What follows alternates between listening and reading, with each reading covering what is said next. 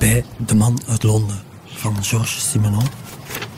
Het boek gaat over een kraanwerker die s'nachts uh, heel hoog boven Dieppe, de Noord-Franse havenstad, zijn werk doet en eigenlijk alles ziet wat er onder hem gebeurt. De mooie dingen en de minder fraaie dingen. En op die manier een koffer over het hek ziet geworpen worden en zo in een uh, afschuwelijke situatie terechtkomt.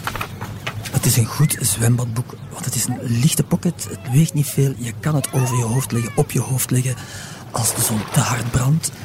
Je kan erbij in slaap vallen. Je geniet van de mooie zinsbouw. De mooie schrijfstijl van Simenon. En dat is het belangrijkste. En het is ook leuk omdat het geen maigret is. En eigenlijk spannender is op die manier, omdat het vanuit eh, een heel ander perspectief geschreven is.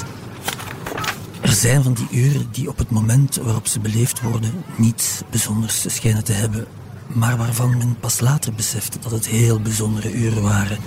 En men tracht zich dan met alle inspanning weer voor de geest te halen wat er precies, minuut voor minuut, in die uren is gebeurd.